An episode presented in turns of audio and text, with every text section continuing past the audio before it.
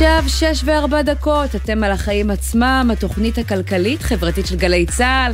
ערב טוב, סמי פרץ. ערב טוב, עמית תומר. מה שלומך? איך עבר היום? אה, האמת שיחסית רגוע, אבל לכי תדעי. לשם שינוי. בדיוק, בדיוק, רק שש בערב עכשיו. לא יודעת מה? פותחים פה. למרות שאנחנו אנשי חדשות, שיישאר רגוע. בהחלט. אז תשמעי, המהפכה המשפטית עדיין בעצם במוקד תשומת הלב התקשורתית והפוליטית, אבל לא חסרים עניינים בוערים אחרים, כמו תקציב המדינה שיוגש בשבוע הבא, יוקר המחיה שעדיין נמצא איתנו ולא ייעלם, ויושב ראש ועדת הכלכלה, דוד ביטן, מאיים שהוא לא יתמוך, לא יתמוך בתקציב אם לא יהיה טיפול ביוקר המחיה. אנחנו נברר איתו איפה זה עומד. כן, ונגיע גם לניתוח מעניין שמגיע מאוניברסיטת תל אביב, לפיו בזמן שהתרכזנו בדברים אחרים, המחירים של מגוון מותגים פשוט זינקו. בחודש האחרון, מי זוכר שהבחירות כאן היו בכלל על יוקר המחיה ולא על בית המשפט העליון, מחר מתפרסם מדד המחירים לצרכן, אולי ניזכר כן, כשהאינפלציה תזנק שוב. כן, אולי זה יחזור כאייטם. אה, אנחנו נדבר גם על נתונים מעניינים שמגיעים אלינו משוק הנדל"ן, דוחות של הלשכה המרכזית לסטטיסטיקה ומשרד האוצר מעידים על האטה משמעותית בביקושים. האם אנחנו לקראת בשורה במדד מחר? אה, האמת שגם אם כן, צריך לזכור שאנחנו אחרי שנה שבה המחירים זינקו ב-20 אחוז. אה, עוד בענייני דיור, שר השיכון גולדקנופ הודיע שהחוק שמאפשר לדיירי דיור ציבורי לרכוש את הדירות לא יוארך, אנחנו נדבר על זה עם ריקי כהן בן לולו, אחת ממובילות המאבק של הדיור הציבורי. ויש לנו חוב אליכם המאזינים שלנו, פינתנו האהובה בעל ערך, שהייתה אמורה להיות משודרת אתמול אה, ובצל האירועים הביטחוניים ככה נדחתה, תגיע אה, בסוף התוכנית הזאת והשבוע נהיה על החברה של אה, ממציא עגבניות השרי, שרוצה לשנות את עולם האנרגיה הסולארית בחקלאות.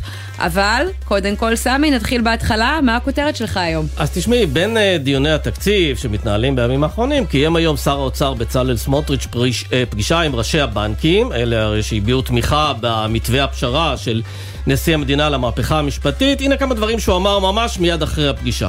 כמי שחווינו אנחנו על בשרנו לא פעם את הדורסנות, אם זה באוסלו ובגירוש מגוש קטיף, ועם אה, 120 או 200 אלף מפגינים נגד הגירוש בשרשרת האנושית מגוש קטיף, לא ראיתי את מנהלי הבנקים יוצאים, ולא ראיתי אחרים שבאים לתמוך במחאה. הוא בעצם יושב זה- איתם בחדר ואחר כך אומר את זה בפייסבוק, בפייסבוק מבקר live. אותם. גם בתוך הפגישה הוא קצת, אה, ממה שאני מבינה, נתן להם על הראש. כן, העניין הוא שהוא פגש גם אתמול מנהלים בתעשיית ההייטק, שם לא ראיתי אגב, לא ראיתי אותו אומר להם איפה אתם הייתם בפינוי מגוש קטיף. אה, אבל תשמעי, בכל המפגשים האלה כולם מביעים בפניו את דאגתם לכלכלת ישראל בעקבות המהפכה המשפטית והדהרה של שר המשפטים יריב לוין ויושב ראש ועדת החוקה שמחה רוטמן בחקיקת הרפורמה הזו. סמוטריץ' הרי תומך ברפורמה הזו, תומך נלהב אפילו, אבל הוא גם אחראי כעת על יציבותה ושגשוגה של הכלכלה, ושני הדברים כרגע נמצאים במסלול התנגשות. זה הופך את שר האוצר לאיש מפתח באירוע הזה. בידיו המפתח להרגעת הרוחות. הוא זה שיכול להסביר לשר המשפטים, לראש הממשלה, מה הוא שמע ומה הוא מבין לגבי הסכנה לכלכלה. אז אם הרפורמה תמשיך להיות מקודמת בדרך הזו ללא מעצורים, נראה ששיחות שכנוע והסברה אה, לבנקאים, להייטקיסטים, להגיד להם אין להם מה לדאוג, אני לא חושב שזה יספיק. אני חושב שהוא, יותר מכל שר אחר, לא יוכל להגיד אם משהו רע יקרה, לא אמרו לו שיש סכנה. בהחלט, על הסכנה אנחנו אה, שומעים אה, והרבה. כן. כותרת אה, שלך, עמית. תשמע, אז עם כל הבלגן הפוליטי והכלכלי, קצת שכחנו מהקורונה, היא עדיין קיימת סביבנו, מדביקה, אבל למדנו לחיות לצידה ממש כאילו הייתה, כמו שקרא לה בזמנו פרופסור יורם לס. שפעת קלה. כן, סוג של שפעת, שגם כבר זוכה בהתאם לפחות יחסי אה, ציבור עכשיו. והערב משרד הבריאות מודיע שסופית תכף היא תזכה למעמד של כל מחלה. היום אה, מבוטלת החובה לעטות מסכות בבתי חולים ובתי אבות, ובעוד שלושה חודשים תוסר המגבלה המשמעותית ביותר שעוד נותרה.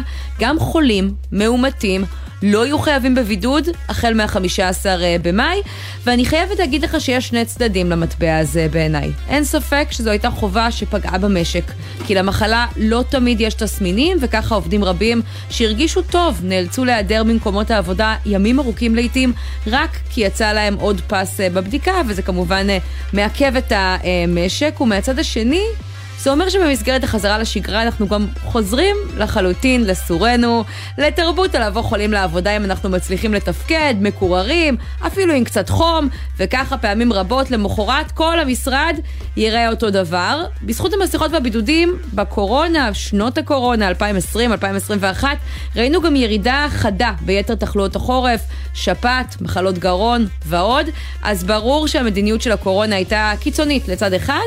אני גם מקווה אבל שלא נחזור לקיצוניות השנייה. עכשיו האחריות על כל אחד מאיתנו. כן, וזה מזכיר לי שבתחילת הקורונה, במהלך המשבר הזה, אז תמיד המעסיקים שלך אמרו לך, אה, אם אתה רק חושד שיש לך קורונה, אל תבוא. אל תבוא לעבודה, זהו, תבוא עכשיו- לעבודה הפך עכשיו להיות זה יהיה, ההפך. אז מה אם יש לך קורונה? תבוא לעבודה. כן, כן, ממש כמו שהכרנו אה, מפעם, ואני בכל זאת מקווה שאולי משהו במודעות שלנו, היה איזשהו שינוי כן. בעולם אה, בזכות ה... או בגלל האירוע הבאמת אה, מלחיץ הזה שהיה בזמנו.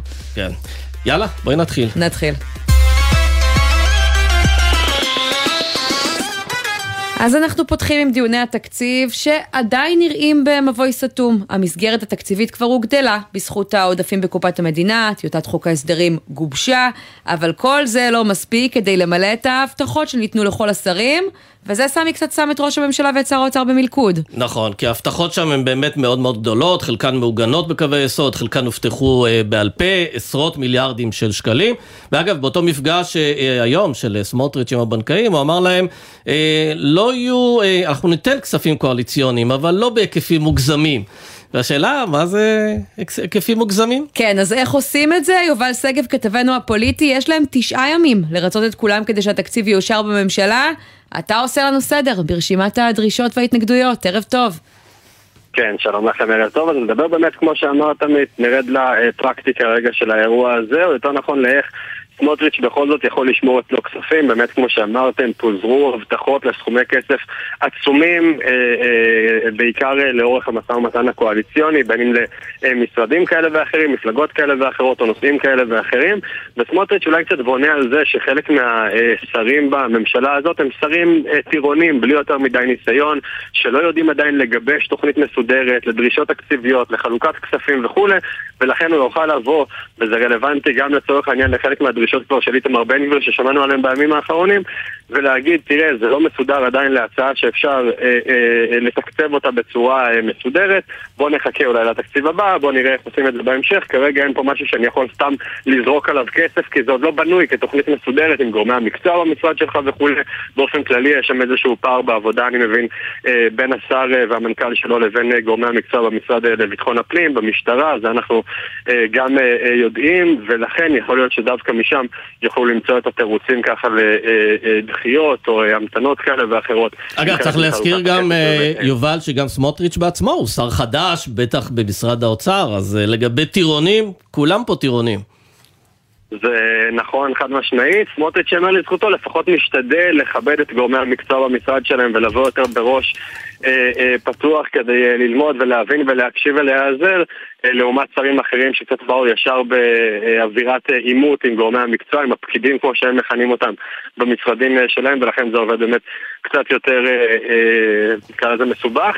מעבר לכך, מעבר לבאמת מה שאמרנו כבר על אה, בן גביר והשרים שלו שיש איתם כל מיני קשיים ושרירים, יש גם אה, אה, עניין חדש מהיום יחסית עם שר התיירות חיים כץ, הכוונה של סמוטריץ' ושל אנשי משרד האוצר לבטל באמת את אותו אה, פטור אה, ממע"מ שיש לתיירים, זה לא פטור כמו שאנחנו מכירים שאנחנו הולכים לשדות תעופה ומקבלים כסף חזרה על השופינג היקר שעשינו, אלא פטור בעיקר בתחום המלונאות, וזה משהו שמצד אחד מקל על התיירים, מצד שני אה, עולה למדינה כסף, בעצם כסף שהיא יכלה להכניס והוא אה, חריג יחסית לישראל הפטור הזה, ולכן יש כוונה לבטל. חיים כץ אומר שזה הולך לפגוע מאוד בתיירות, ושהתיירות היא בכלל מנוע צמיחה, וזה לא המקום הנכון לקצץ בו וכולי, אז גם שם יהיה איזשהו אה, אה, קושי. ובאופן כללי, אני חושב ששוב, אנחנו אה, חוזרים כל הזמן לעניין של ההסכמים הקואליציוניים, אם נכנסים משם, עוברים על הסעיפים, עוברים על ההבטחות. אה, אין אה, מספיק אה, כסף ואין מספיק זמן אולי גם כדי לחלק את כל הכספים האלה בצורה מסודרת ובצורה אחראית ולא סתם באמת לשפוך אותם מלמעלה על משרדים ושרים שלא יודעים כל כך עדיין מה לעשות איתם. יובל שגב, כתבנו הפוליטי, תודה רבה, ובאמת יש כאן תודה. שתי חזיתות, מצד אחד שרים שרוצים לקבל יותר ממה שאפשר לתת להם כרגע, מהצד השני שרים, כמו שהוא מתאר את מקרה חיים כץ, שתיראו מופתעים, לא מוכנים בעצם שיטילו עוד מיסים בתחום שלהם, או ייקחו ייקחו אה, מהם אה, במסגרת כן. הרפורמות שכן לא רוצים חריג, לעשות. זה לא חריג, זה כל פעם שיש דיוני תקציב הדברים האלה קורים. נכון. אה, לחצים של הרגע האחרון. האמת אנחנו רוצים לדבר בעניין הזה עם חבר הכנסת דוד ביטן, יושב ראש ועדת הכלכלה מהליכוד, ערב טוב.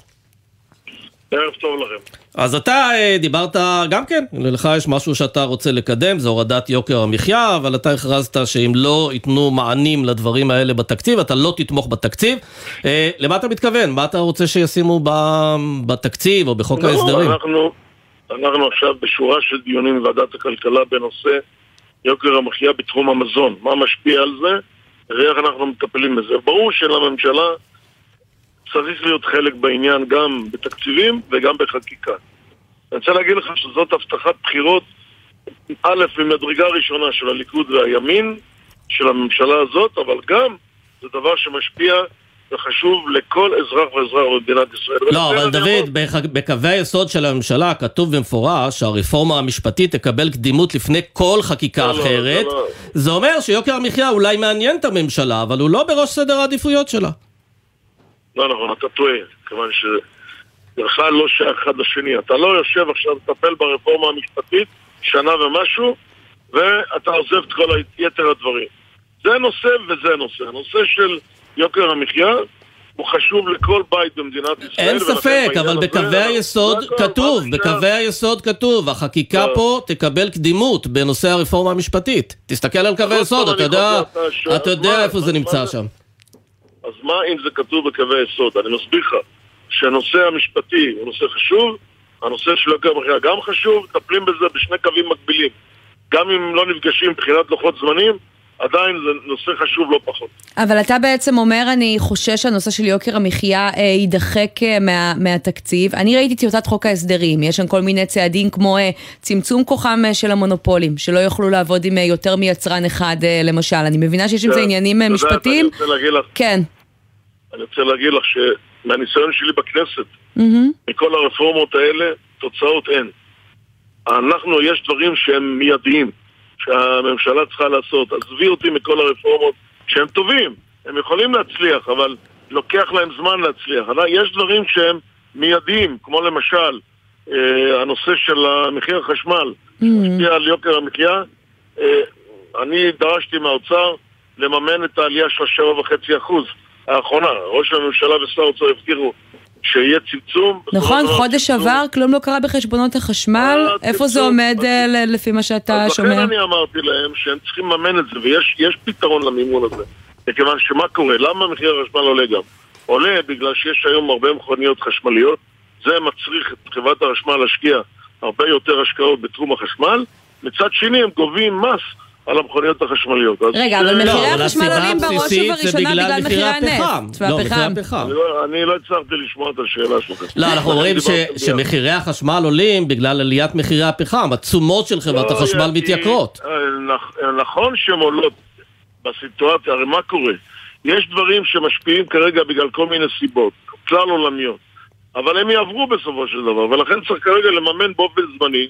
אז למשל בחברת החשמל, זאת דוגמה, מצד אחד הם גובים מס היום על המכוניות החשמליות, מצד שני הם ימכרו בעוד חצי שנה תחנת כוח גדולה בסכום של בין 500 ל-800 מיליון שקל. את הכספים האלה שיעדו לצורך המימון של העלייה הזאת, וכשהדברים יסתדרו בעולם ומחיר מחיר הפחם ירד, אז מחיר החשמל ירד גם כך. אבל העניין הוא שהעלאת אה, המיסוי על המכוניות החשמליות קשורה לעובדה שהמיסוי שם היום הוא מאוד נמוך, וזו הטבה אז מה- שהולכת לאוכלוסייה היותר עשירה.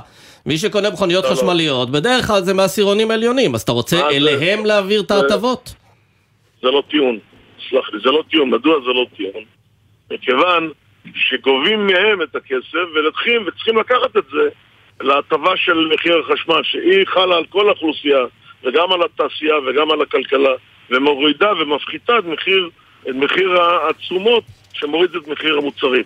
אז אני לא יודע על מה אתה מדבר, אני לא, לא מבין את את ההקבלה שעשית. אני אומר. שהסיבה שמעלים את המיסוי על מכוניות חשמליות זה משום שהמיסוי עליהם היום הוא מאוד מאוד נמוך וההטבה הזו ממילא הולכת אה, לעשירונים עליונים שהם מחזיקים מכוניות אה, זה חשמליות. לא הולך, מה, מה פתאום זה הולך לעשירונים העליונים? הרי יש הטבה, את המחיר של החשמל את המס על החשמל, מכוניות חשמליות, הממשלה גובה, מכיוון שיש פחות מכוניות שהן לא חשמליות, ולכן אה, גובים על כל המכוניות שקונים אותן.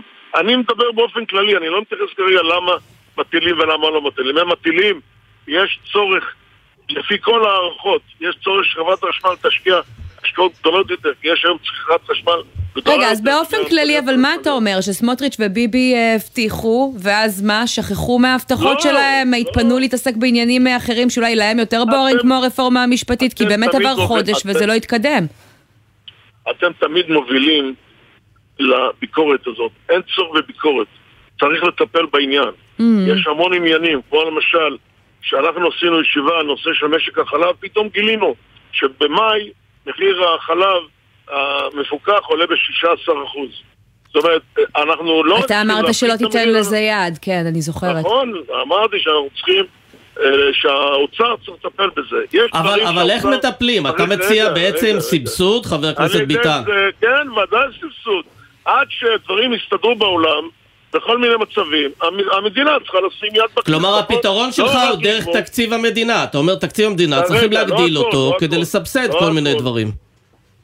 לצערי הרב, נכון, כי גם הם גובים מהצד השני. זה לא הכל אה, הולך לאיזושהי קופה שלא מחלקים אותה. מחלקים את הקופה, צריך לשנות סדרי עדיפויות במצב העכשווי בעולם. זה למשל תקציב, אבל יש גם חקיקה שהם יכולים לעשות, ואת החקיקה הזאת אפשר לעשות בלי שום בעיה. וכשאתה אה, בעצם אה, מצד אחד אומר את זה, ומצד שני אה, שומע, אמר גם קודם כתבנו פה יובל שגב, שהדרישות של השרים וחברי הקואליציה מגיעות למספרים שפשוט אין מספיק כסף בקופה אה, כדי אה, אה, למלא ולממן. כן. איך הסיפור הזה ייגמר? אתה שומע על ההתנגדות גם של אה, חיים כץ, יש סיכוי שנראה את השינויים האלה אה, מתרחשים, או שאתה יודע, תחת הרפורמה המשפטית ותחת הקופה המוגבלת אה, יתעלמו מהכל?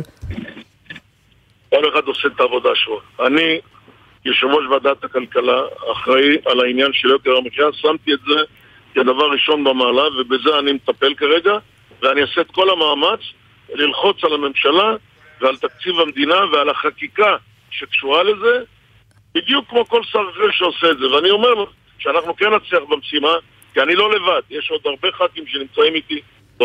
הרבה ח"כים שמה, אם לא יסבסדו עכשיו את המוצרים שבאמת מתייקרים אה, בצורה אה, דרמטית, תצביעו נגד התקציב? אני אמרתי שאני אעשה את הכל, קודם כל אני חושב שבסופו של דבר דברים יסתדרו והמדינה, והתקציב ייתן מענה לא לכל הדברים, אבל לחלק מהדברים בטח ואם לא, אז אנחנו נפעיל לחץ ויהיו ח"כים איתי, אני לא, אני לא לבד. כן, אתה יודע שבנושא יוקר המחיה, אחד מהסעיפים ה- באמת הכי כבדים זה הנושא של הדיור, המחירים שלהם עלו ב-20% בשנה האחרונה. כן. אה, אתה בוועדת הכלכלה הולך לטפל בזה, להכניס שם אה, רעיונות חדשים. או שזה לא בתחום שלך? לצערי הרב נושא הדיור במשא ומתן הקואליציוני עבר לוועדת הפנים אז אה, אני משאיר את זה לוועדת הפנים. אבל זה סעיף מאוד. כבד, זה סעיף, אתה יודע, זה נכון. יותר מרבע. מהצריכה שלנו. אתה צודק, אבל בוא אני אטפל בדברים שאני כרגע, זה בסמכות שלי, ואני חושב שאני כן מסוגל לטפל. אגב, מה לגבי מוצרים לחבר אה, פיננסיים, בנקאות, פנסיה, ביטוח, המקומות האלה, אתה כן תטפל? אנחנו, ברור, אבל לא עכשיו. בגלל התקציב אנחנו כרגע נטפל ביוקר המחיה בנושא המזון, שזה דבר מאוד משמעותי, ואתה שם לב שכל המחירים עולים כל הזמן. בהחלט. זה ימשיך לעלות, ולכן בזה אנחנו צריכים לתת עכשיו מענה מיידי, ולגבי יתר הדברים אנחנו נטפל אחר כך. אגב, אה, לסיום הייתה לך עוד הצעה מעניינת, ממש באחד הדיונים הראשונים של הוועדה בראשותך בהקשר של יוקר המזון, לחייב את חברות המזון הגדולות, המונופולים, לחשוף את דוחותיהם הכספיים, גם אם לא מדובר בחברות ציבוריות. לא ראיתי נכון. התייחסות למהלך הזה בטיוטת חוק ההסדרים המתגבשת. זה מתקדם בדרך אין- אחרת? אין. איפה זה עומד? אין, אין התייחסות להרבה מאוד דברים. חלק מהדברים אנחנו, אנחנו נגיש חקיקה, אה, הח"כים, במסגרת הוועדה נעשה חקיקה, וכל הדברים שאנחנו אומרים, בסופו של דבר יהיו. אין לך מה לדאוג. אבל אתה עדיין פועל בכיוון הזה. פועל, כן. חבר. חבר הכנסת דוד ביטן, יושב ראש ועדת הכלכלה מהליכוד, תודה רבה שדיברת איתנו. תודה רבה לך.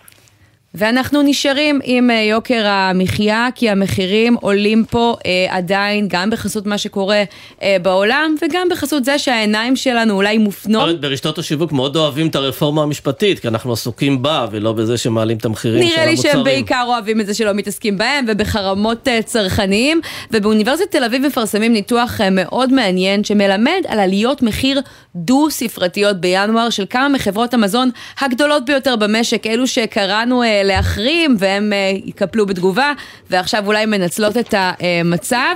ואיתנו בעניין הזה פרופסור איתי יתר, שלום. שלום, ערב טוב. פרופסור אה, לכלכלה בפקולטה לניהול באוניברסיטת תל אביב ועמית בכיר במכון הישראלי לדמוקרטיה. אתה ערכת את הניתוח הזה, תספר לנו מה מצאתם קודם כל. אנחנו עוקבים אחרי השתנות המחירים ברשתות השיווק, אז uh, הניתוח הזה מתמקד uh, כרגע לפחות בחברת אוסם, במוצרים של חברת אוסם, במוצרים של חברת יוניליבר. אנחנו בודקים מה קרה במחירים, אנחנו עוקבים אחרי סל מוצרים של החברות האלה, שמונה כ-130-140 מוצרים, ובודקים בכל שבוע מה קרה למחירים. ואנחנו רואים שלפחות לגבי שתי החברות האלה, בחלק מהרשתות רואים עליית מחירים ממש דרמטית. אה, למשל, אצל יוניליבר אנחנו רואים אה, אה, שהמחירים עלו בסופרסל וברמי לוי רק מאמצע ינואר או תחילת ינואר ב-7 ו-8 אחוז. אם אנחנו מסתכלים קצת, מתחילים עוד כמה חודשיים קודם, אז גם בוויקטורי אנחנו רואים עליית מחירים מאוד משמעותית של מוצרי יוניליבר.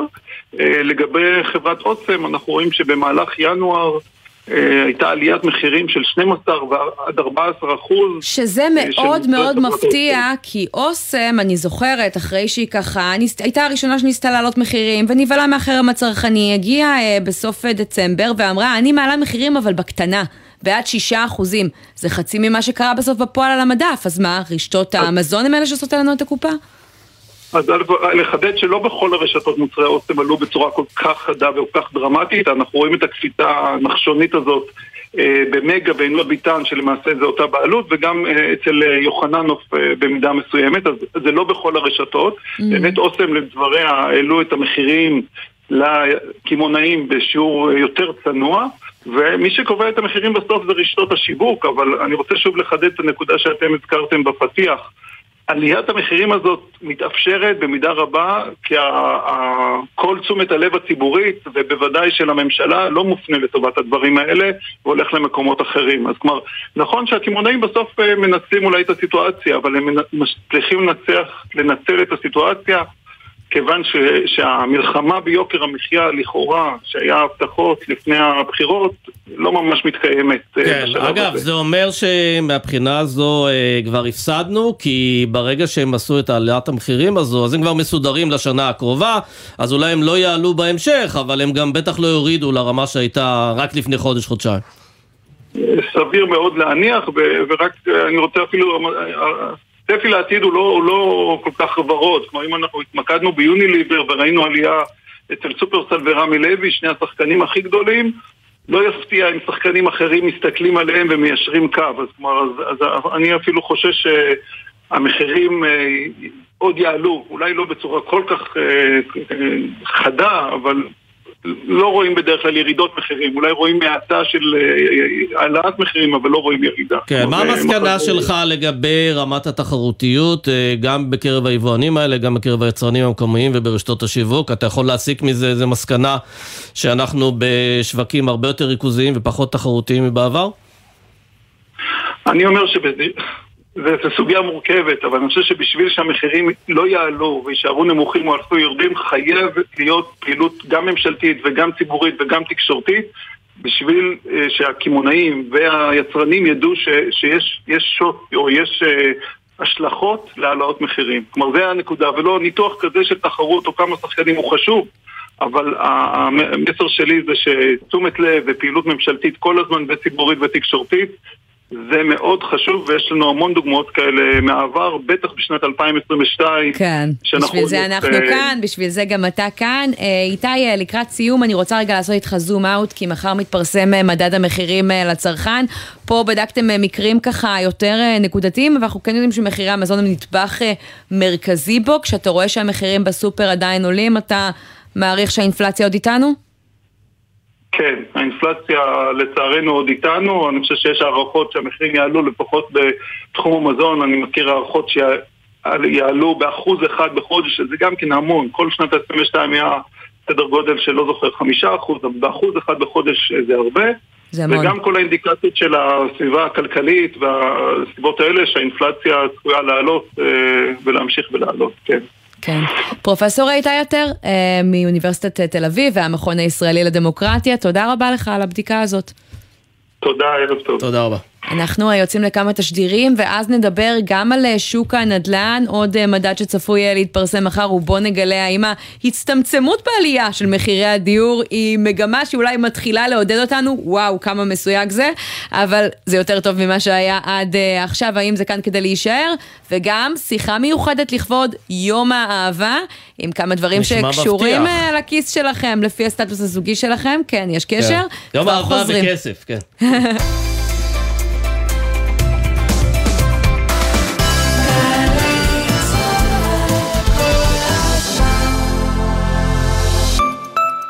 ביום שלישי, ל' בשבט, 21 בפברואר, נתרגל היערכות לשעת חירום בכל בתי הספר וגני הילדים בארץ. את התרגיל יובילו משרד החינוך ופיקוד העורף בשיתוף הרשויות המקומיות. התלמידים יתרגלו בעת ההפסקה את הנחיות ההתגוננות בעת אירוע ירי טילים. בשעה 10 וחמישה יישמע אות תרגול בית ספרי בכל מוסדות החינוך ברחבי הארץ. עוד פרטים אפשר לקבל במרכז המידע הארצי של פיקוד העורף בטלפון 104 ובאתר פיקוד העורף בכתובת עורף.org.il. אם אתם רואים צב ים וחושבים, הנה זה שאוכל שקיות ניילון, כנראה אתם לא לומדים מדעי הים ברופין. אבל אם אתם מבינים שאפשר ללמוד ממנו גם על הזדקנות האדם, כנראה שכן. יום פתוח לביוטכנולוגיה ימית ומדעי הים ברופין, שישי, 17 בפברואר. רופין! קמפוס מכמורת. להגיע גבוה משרד התחבורה מציג נתיב פלוס 2. במקום שלושה נוסעים, הנסיעה מותרת לשניים ומעלה. בכביש אחת, ממחלף דניאל ועד מנהרות הראל. שימו לב, הנתיב פועל בימים א' עד ה' בין שש וחצי לתשע וחצי בבוקר, ובשישי בין 12 ל-5 אחר הצהריים. ביתר שעות היממה, הנסיעה חופשית לכולם. עוד מידע באתר.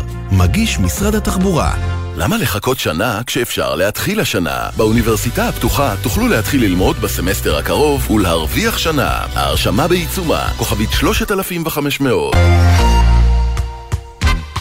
גמר גביע המדינה בכדורסל בגלי צה"ל. מכבי תל אביב או הפועל ירושלים. מי תניף את הגביע הנכסף? עידן קבלר, אמיר בר שלום, אבנר יאור ויונתן גריל בשידור חי מהיכל הפיס, הארנה בירושלים. חמישי, משמונה וחצי בערב ועד ההנפה. גלי צה"ל. ספי ויניר פותחים את הבוקר. אבל הבטחתם גם תגובה יותר חזקה בעזה למשל, השר אליהו. ירי רקטי הלילה, שום תגובה, אגב, לא היה דבר כזה בממשלה הקודמת. כן, כן, כן, אבל כמו שאומרים, פרה פרה, בואו נעביר את הרפורמה המשפטית. כן, לא הבנתי, זה יותר חשוב, רגע, רגע, רגע, לא, אתה אומר דבר מדהים, יהיה ירי מעזה, יהיה פיגוע, הכי חשוב כרגע זה רפורמה משפטית. ספי עובדיה ויניר קוזין, ראשון עד רביעי בשמונה בבוקר, רק בגלי צה"ל. עכשיו בגלי צה"ל, עמית תומר וסמי פרץ עם החיים עצמם. חזרנו ואנחנו עכשיו אה, לשוק הנדל"ן לקראת אה, מדד מחירי הדיור אה, שהתפרסם מחר ונזכיר כבר תקופה ארוכה שלא ראינו בו ירידת מחירים אלא איזשהו טווח של עליות מחיר בין רע לרע מאוד. אנחנו רואים עוד חודש שבו יש האטה בביקושים, ירידה במספר העסקאות ועינב קרנר כתבתנו לענייני נדל"ן, מה הסיכוי להערכתך שזה יגיע גם אלינו לכיס? תראי, לפי הבלימה שראינו בחודש הקודם, יכול להיות מאוד uh, שאנחנו נראה מחר את הנתונים והם ככה מה שנקרא יסדו את רצוננו.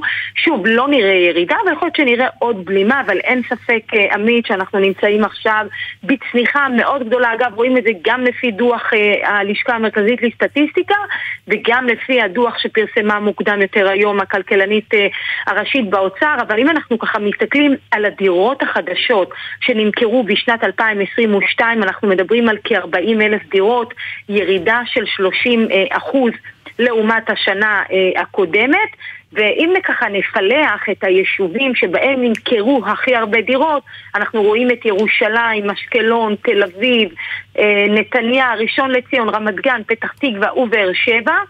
יישובים שבהם הייתה ירידה גדולה מאוד במספר הדירות, וזה גם לא מפתיע, זה בת ים, קריית אונו, חריש, תל אביב, אשקלון ונהריה, זה כנראה גם אה, אותם אזורים שהמחירים שם עלו בצורה מאוד משמעותית. אגב, גם רואים לוקחים- אה, בסקירה של הכלכלנית הראשית במשרד האוצר, שיש גם שיא במלאי הדירות הלא מכורות, מה שאומר שיש פה איזה פחד גבהים של הקונים, הם ראו שהמחירים עלו ב-20% והם עכשיו לא ממהרים לקנות, אבל את יודעת, זה יכול גם להביא את, ה... את הקבלנים מתישהו למכור בהנחה. אז זהו, תלוי לאיזה כיוון לוקחים את זה. אין ספק שאם המגמה הזאת תימשך, אגב, אה, הנתון שציינת קודם מדבר על כ-50 אלף, אה, יותר מ-53 אלף דירות, זה משמעותי. עכשיו, אם המגמה הזאת תימשך, בהחלט הקבלנים יהיו פה בבעיה, כי הם יצטרכו, אה, מה שנקרא, לתת הנחות מאוד גדולות. אבל אני רוצה להזכיר לשניכם, עמית וסמי, שיש המון אנשים שכרגע יושבים, ממתינים על הגדר, מחכים לראות מה תהיינה החלטות הממשלה. ולכן ברגע שמה שנקרא ייפתח הסכר הזה ואנשים שוב יחזרו לקנות את הדירות אז אסור לנו להתלהב מזה שיש 50 אלף דירות כרגע שלא נגעו בהם ולא קנו אותם כי זה הרבה פחות מהביקוש האמיתי שיש בשוק. צריך לזכור שכרגע אנחנו בדיכוי הביקוש ולא בהגדלת ההיצע. כן. אז, אז, אז, אז בתקווה שבאמת מחר אנחנו נראה את הנתונים האלה שבאים לטובתנו גם במחיר, אז אה, לפחות אנחנו נראה פה את האיזון הזה. מצד אחד יש ירידה גדולה בהיקף העסקאות, אבל לפחות שגם נראה את זה במחיר, אז אפשר יהיה ככה אה, להצדיק את זה, ואפשר כן. גם לראות עוד אה, נתון מעניין אם יש לנו עוד אה, חצי דקה. וגם אה, ברמת המחוזות, שדווקא ב... אם אנחנו מסתכלים בין הרבעונים השלישי והרביעי, אז דווקא רואים שמחוז הדרום דווקא הייתה פה איזושהי עלייה אה, של אה, כמה עשרות אה, דירות לעומת הרבעון השלישי. שזה מה דווקא לא הגיוני, יכולה כי שבדרום, אם אני לא טועה, התחלנו לראות איזושהי מגמה של אפילו ירידת מחירים, נכון? נכון, בחודש הקודם בחלק מה.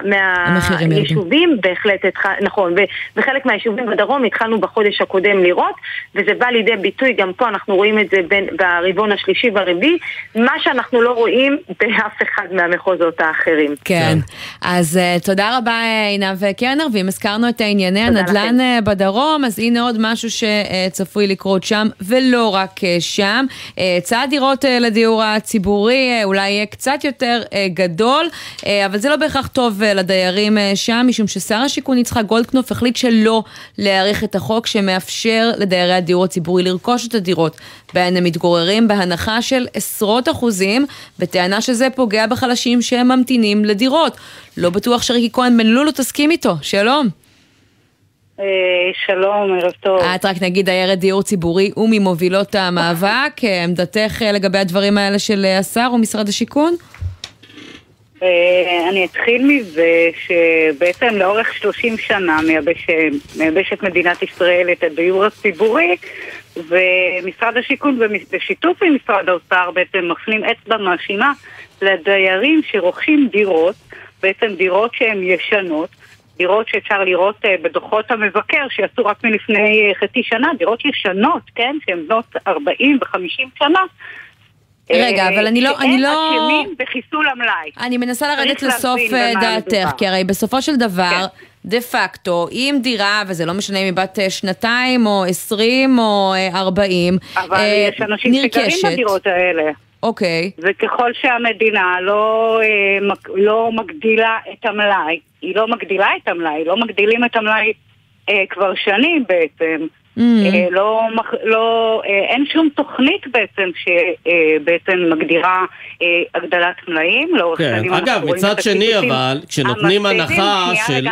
לא, אבל ריקי, כשנותנים הנחה של 80-90 אחוז, ברור שהרבה דיירים יעדיפו לקנות את זה ולא לגור בהם בשכירות. אז קודם כל זה לא נכון, כי אה, לא רוב, לא כל הדיירים יכולים לרכוש את הדירות ואפשר לראות בעצם אה, בנתונים שבעצם, אתה יודע מה? גם אפילו נתונים הם לא חושפים. כמה באמת אנשים הצליחו לרכוש את הדירות? לפי לא הנתונים, חושפים. 13 וחצי אלף דירות כאלה נמכרו, נרכשו בעצם על ידי דיירים.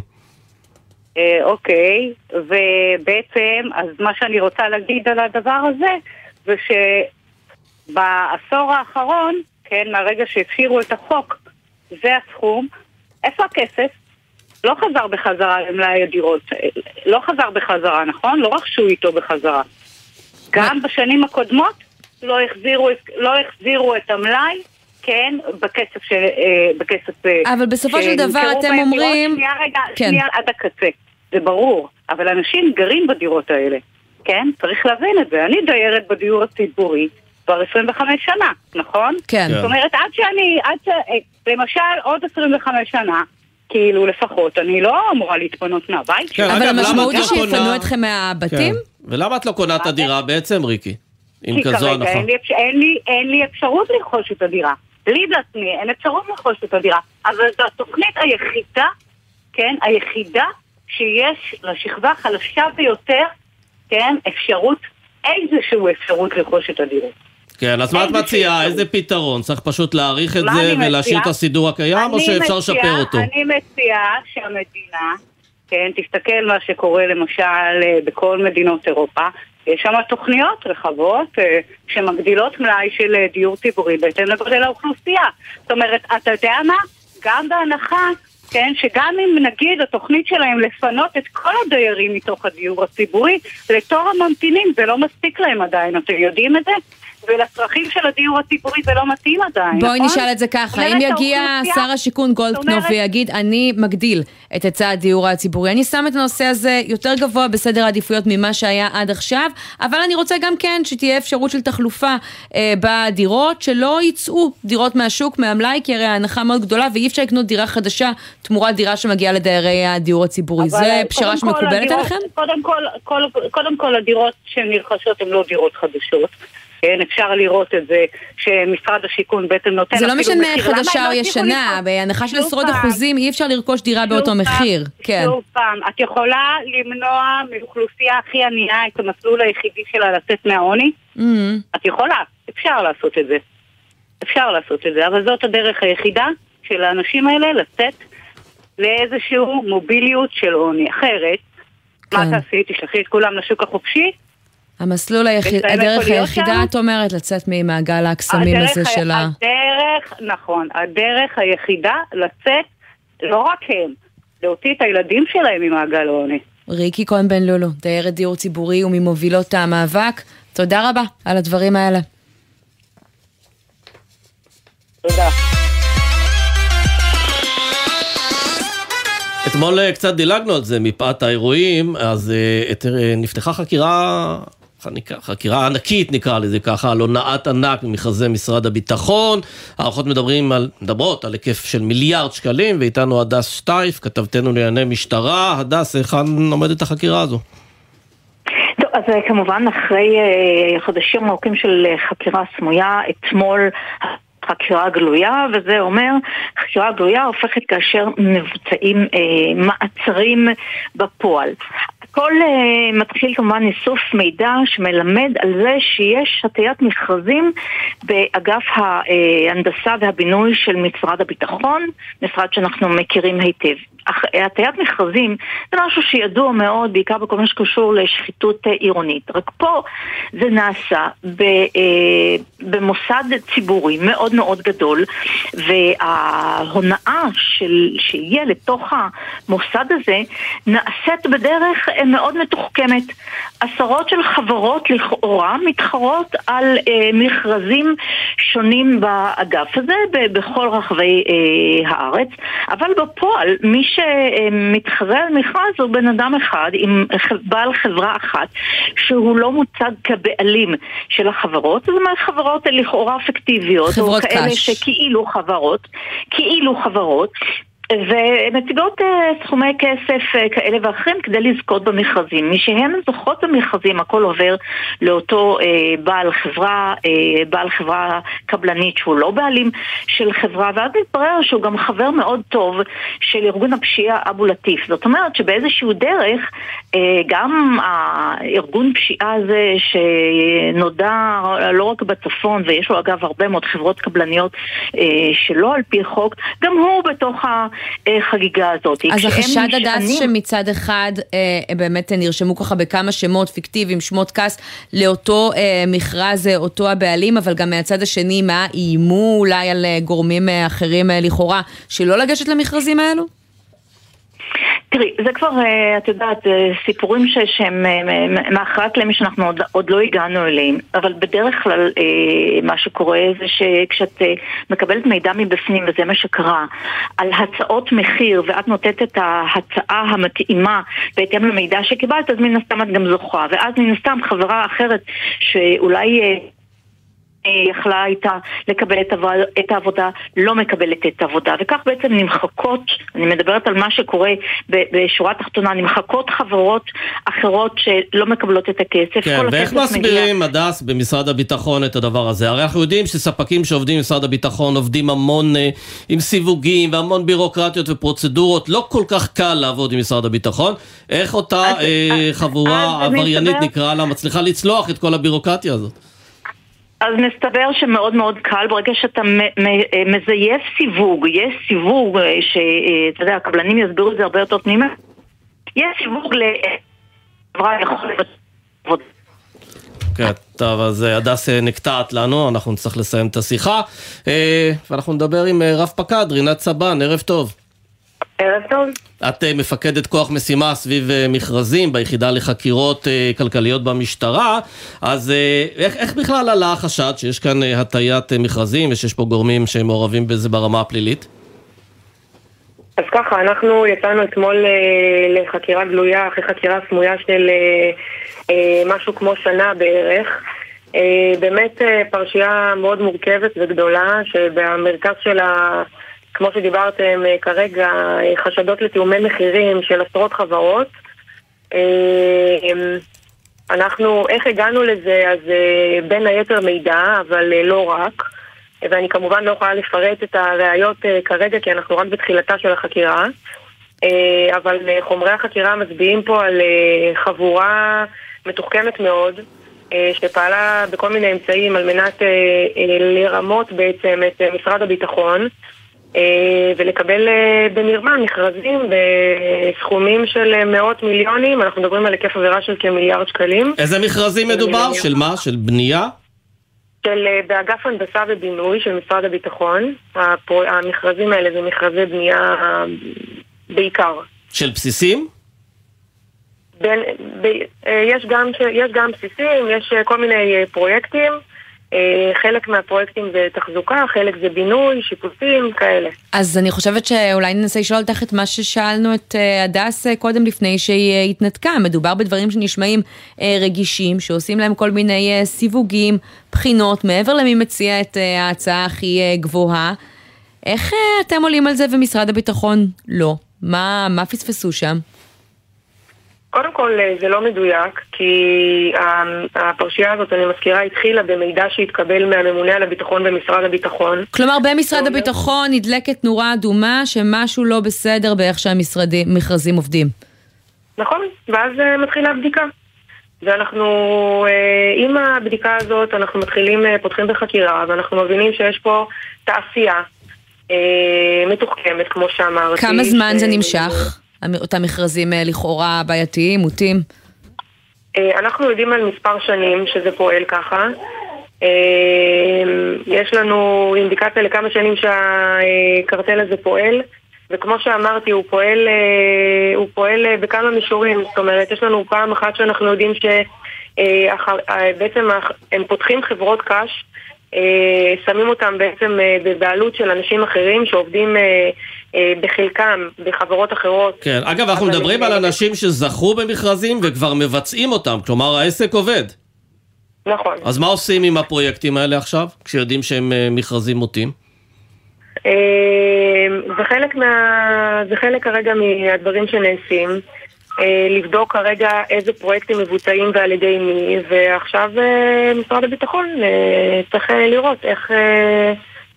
איך אה, אה, מפסיקים את העבודות על ידי הקבלנים החשודים. כלומר, אותם פרויקטים יעצרו עד להשלמת החקירה? זה דברים אה, שנעשים במשרד הביטחון, אני לא רוצה להיכנס כרגע לאיך וכמה, אבל אה, ברור כרגע, ש... ברור שקבלן שפעל במרמה לא יוכל להמשיך לעשות פרויקטים שהתקבלו במרמה. כן. נשמע הגיוני. בהחלט. רב פקד רינת סבן, מפקדת כוח אה, משימה סביב מכרזים ביחידה לחקירות כלכליות במשטרה, תודה רבה שדיברת איתנו. תודה רבה, תודה.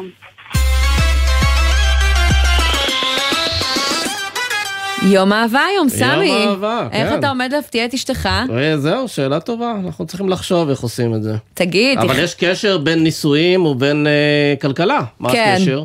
הקשר הוא שיחידה כלכלית בסוף יש בה גם משהו אה, חסכוני, בכל כל הרומנטיקה אה, בצד, אה, להיות יחידה כלכלית יש לזה גם הטבות במס, גם כל מיני יתרונות אחרים אולי, ובמרכז טאו ברחו ניתוח מיוחד על הקשר הזה בין נישואים, שכר והשתתפות בשוק העבודה.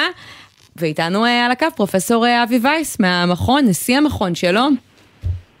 ערב טוב עמית וערב טוב סמי. אתה גם אה, פרופסור לכלכלה באוניברסיטת אה, בר אה, אילן, חג שמח. תספר לנו מה ככה מצאתם. כן, זה מאוד מעניין. Uh, הסתכלנו על מה שקורה מבחינת הכדאיות להתחתן, או לא נקרא לזה ככה בגלל שזה קצת חזק מדי, אבל שאלת שאלה בעצם, האם יש בישראל את מה שרואים במקומות אחרים בעולם, האם יש פרמיה לנישואים? כלומר, האם אנשים שנשואים מרוויחים יותר וגם עובדים באחוזים יותר גבוהים? וחשבנו אולי זה יהיה שונה בישראל בגלל הדמוגרפיה המיוחדת של ישראל. מסתבר שלא, מסתבר שבאמת יש פרמיה אפילו משמעותית מאוד לאנשים נשואים. אבל ממה זה נובע? זה נובע מזה שהם אנשים מיושבים יותר, אה, בנויים יותר למחויבות, או יש להם יותר אה, התחייבויות פשוט, ולכן הם אה, דורשים יותר והם יציבים יותר בשוק העבודה? התשובה לשאלתך מפתיעה, התשובה היא שכן. שני, שני ההסברים שנתת הם נכונים. כלומר, אפשר להסתכל על זה מהכיוון שמי שבעצם מתחתן בדרך כלל הוא בן אדם אולי עם איכויות מסוימות יותר, uh, uh, טובות יותר, שבאמת הופך אותו, והופך אותה ליותר um, אולי מתאימים לנישואים. אולי אנשים שיותר, שאנשים ירצו להתחתן איתם יותר. ואולי גם יש איזו סטיגמה מצד יותר. המעסיק, שככה מסתכל על בן אדם אה, כזה כבן אדם יותר מיושב, יותר אולי במקום מבוגר בחיים. גם נכון, וגם יכול לבוא מכיוון נוסף, כאשר מסתכלים על היכולת של זוג, של בעל ואישה למשל, אה, לתמוך אחד בשני. כן, לא, אבל מצד רואה ש- שני, כן, אבל מצד שני, אני רואה לפי המחקר שלכם, שגרושות, פרודות ואלמנות אה, צפויות לעבוד אה, בהסתברות יותר גבוהה מרווקות. כלומר, גם הסיטואציה הכלכלית המשברית, נקרא לה ככה, אה, גם היא בעצם מגדילה את הרצון לעבוד, להתפרנס. זה נשמע מאוד הגיוני. זה בהחלט הגיוני, בהחלט, אה, אתה- זה גם קיים אצל גברים וגם אצל נשים, ואתה באמת רואה של, שכאשר הם, הם כבר לא נשואים, אז ההסתברות שהם, שהם עובדים הולך וגדל. ולמרות נכון שהדבר. הזה, אה, מה שנקרא, הוא כלכלי, כמו שאתה אומר, אתם גם אה, מדווחים על ירידה בשיעור הנישואים, או עלייה במה שאתם אה, קוראים לו זוגרות. זוגות שחיים יחד, חולקים את חייהם, ונמצאים בזוגיות בלי להיות נשואים כדת וכדין. ואגב, זו דקות שאתם שמים לב אליה במחקר, כלומר, יש משמעות בהשתכרות בין מי שרק חי ביחד, ידוע לציבור, לבין מי ששם טבעת? אז לא יכולנו באמת אה, לעשות את ההבחנה כפי שאת אמרת, ובתוך הנתונים שבדקו את הפרמיה לנישואים, לבדוק מי נמצא בזוגריות ומי לא נמצא, כלומר בחיים ביחד, אבל אה, בוא, בוא נתייחס לשני המשפטים האחרים שאמרת, שזה לא לגמרי מדויק. האחוז של נישאים באמת הולך ויורד, באמת הלך וירד בשנים האחרונות, אבל מצד שני האחוז של אנשים שגרים יחד לא עלה. מה שעלה זה המספר של אנשים גרים יחד, אבל האחוז נשאר בסביבות חמישה-שישה אחוזים. וזה נמוך מאוד יחסית למדינות אחרות. כן. טוב, פרופסור אבי וייס, נשיא מרכז טאו, הוא פרופסור לכלכלה באוניברסיטת בר אילן. תודה רבה לך. בשמחה רבה, חג שמח. ועכשיו חוב מאתמול, פינתנו האהובה, בעל ערך, הפינה שבה אנחנו מדברים על מיזמים שמשפרים את האנושות, והיום אנחנו רוצים לדבר עם פרופסור חיים רבינוביץ', שלום. שלום, ערב טוב. אה, גנטיקאי צמחים ומפתח עגבניית השרי. כן, כן. אם השם הזה מוכר לכם, לא, לא. זה מהעגבניה. לא לבד, עם צוות שלם, ביחד עם פרופסור נחום קדר ואחרים, אבל כן, שותף. כן, איזה מהעגבניות שרי? צהובות או אדומות? כולן. כולן. יפה. אז יש לך מיזם חדש שבו אה, אתה משפר את האנושות, ספר לנו איך אתה עושה את זה. טוב, אה, אנחנו נמצאים כרגע בתקופה שבה כולנו חשים את ההתחממות הגלובלית וכולנו יראים מפני הסכנה של ביטחון תזונתי. כל התחזיות אומרות שעד 2050 יהיו חסרים הרבה מאוד אה, מוצרי מזון כדי לספק את מה שאנחנו צריכים. למעשה צריכים להגדיל את הייצור ב-60 עד 70 אחוז כדי לספק לאוכלוסייה את מה שאנחנו צורכים היום. עכשיו, מצד שני, אנחנו רוצים uh, לעבור מחשמל או מאנרגיה שאנחנו משתמשים ליצירתה בדלקים פוסיליים, אה, פחם, נפט וכדור, וגז אפילו, אה, לעבור לאנרגיה ירוקה. לצורך זה נדרשים שטחים, והשטחים הולכים ואוזלים כל הזמן, אבל יש אה, אין סוף שטחים, בעצם אה, מדובר על מאות מיליוני דונם של שטחים חקלאיים, שאי אפשר לכ- לכסות אותם היום בפאנלים סולאריים, כי הפאנלים הסולאריים אטומים לאור, כמו שכל אחד רואה. אה, ואתם מציעים בעצם. איזה שהם פאנלים מיוחדים שככה מתגברים על הבעיה הזאתי? בדיוק. מה שקורה הוא שצמחים אה, זקוקים פחות או יותר לעשרה אחוז מכלל אנרגיית האור שמגיעה לכדור הארץ. וכל היתר הולך לאיבוד בצורת חום. הצמחים אה, משתמשים ב-95% מהמים שהם צריכים כדי לקרר את עצמם מהחום הזה של כל היתר. אז הפתרון שלכם חוסך מים? זה התרומה שלכם בעצם? התרומה שלנו, תכף תשמע, היא- גם מייצרת חשמל ירוק, גם לא פוגעת בייצור, גם חוסכת מים, גם שומרת על הסביבה, והכל מרעיון קטן, אתה מסתכל על משקפי שמש, אתה רואה שהם מעבירים חלק מן האור, ואז אתה רואה מה שקורה, אבל הם לא מעבירים למשל את קרינת ה-UV כדי לא לפגוע בעין שלך. טוב, איך אז אני לוקחים רוצה את זה מהמשקפיים אם אני רוצה שלנו? לקנות, איך עושים את זה? לעולם החקלאות? שאלתי אם אפשר לקחת את הפאנלים הסולאריים ולפתוח בהם צוהר כזה שהאור שהצמחים זקוקים לו יעבור כך שהם יוכלו לעשות פוטוסינתזה, לספק לנו חמצן, לספק לנו מזון, ובכל היתר להשתמש באנרגיה. מסתבר שאי אפשר לעשות את זה בפאנלים סולאריים של היום, בפאנלים מעשויים סיליקון, אבל יש חומר אחר שעליו עובד אה, שותפי, ידידי, אה, פרופסור אתגר באוניברסיטה העברית, כימיה באוניברסיטה העברית. החומר הזה נקרא פרובסקייט. אה, זה צירוף של מלחים פשוטים שנמצאים כמעט בכל מקום, ויש להם את התכונה הדומה מאוד לזו של הסיליקון. ובהם אפשר לגרום לך לפתוח את הצוהר הזה, שדרכו יעבור האור שמשמש אותנו לפוטוסינתזה, וכל היתר לייצר חשמל. כן, זה כבר בשימוש? זהו, זה כבר בשיווק? לא, בשיווק עדיין לא, יש לנו אב טיפוס שעובד, אה, וכרגע אנחנו עומדים אה, צעד אחד לפני המראה. מתי זה יקרה? הערכה שלנו שייקח בערך שנה וחצי להגיע לייצור תעשייתי, ואחר כך אתה צריך ללכת באמת לחממות ולשדות ולכרמים ולמקומות אחרים, אה, להעמיד את זה כדי שחקלאים ישתכנעו שזה לא פוגע להם ביבול ולא פוגע בדברים אחרים.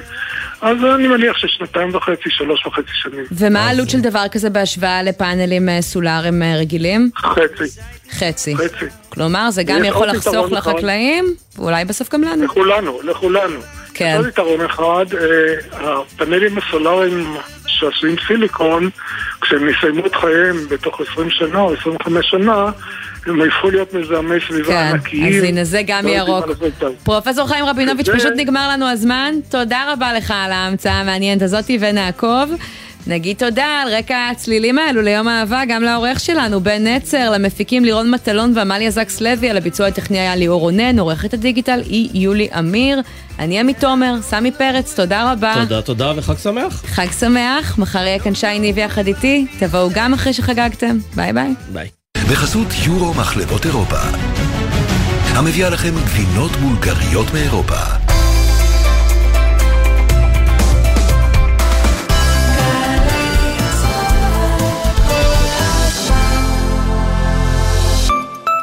לארגן את הקטנה בבוקר לפני שיוצאים למעון יום זה תיק. לרשום אותה למעון יום לשנה הבאה זה קליק. הורים לפעוטות? שימו לב, גם השנה הרישום למעונות יום מתבצע באופן מקוון ונגיש, בלי לצאת מהבית. מחפשים ברשת מעונות יום מסובסדים, נכנסים ורושמים את הקטנטנים למסגרות שמסבסד משרד העבודה. אז מהרו והבטיחו לילדיכם מקום בקליק. ההרשמה מסתיימת ב-21 בפברואר. משרד העבודה, יש עם מי לעבוד. חופשה רומנטית בחורף? בואו לירושלים. פברואר של אהבה בירושלים. תרבות ומסעדות בחוויה ירושלמית אוהבת וחורפית. מגוון הטבות בבתי המלון ובאטרקציות ברחבי העיר. לפרטים iTravelJerusalem.com למקומות. אתם מרגישים שהקריירה עומדת במקום? הנה ההזדמנות להגיע רחוק יותר. מצטרפים לתעשייה הישראלית, הקולטת אלפי עובדים ועובדות במגוון תחומים, ונהנים מתנאים מעולים, תפקידים מעניינים, קידום, שכר גבוה, והכי חשוב, ביקוש תמידי שיכול להבטיח עתיד יציב ובטוח. תעשייה ישראלית, קריירה מרתקת, מתחילה כאן. לפרטים חפשו ברשת תעשיינים בישראל, משרד הכלכלה והתעשייה והתאחדות התעשיינים בישראל. דקה, ידעת שאפשר לשלם חשבון חשמל בוואטסאפ? אומרים וואטסאפ. אמרתי, וואטסאפ. עזוב שקע, אתה לא טוב בלועזית. חברת החשמל, זמינים גם בוואטסאפ. בין תל אביב לאילת יש כ-90 מקומות עצירה לקפה. זאת אומרת, 90 הזדמנויות ללכת להתפנות מבלי להיפגע בטעות בזמן שאתה רץ חזרה לרכב.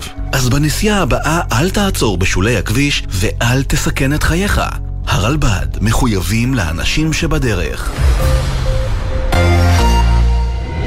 רביב כנר, במופע מיוחד, עם מיטב הלהיטים לרגל ולנטיינס דיי. אורחים אורית שחף ותום פטרובר, היהודים.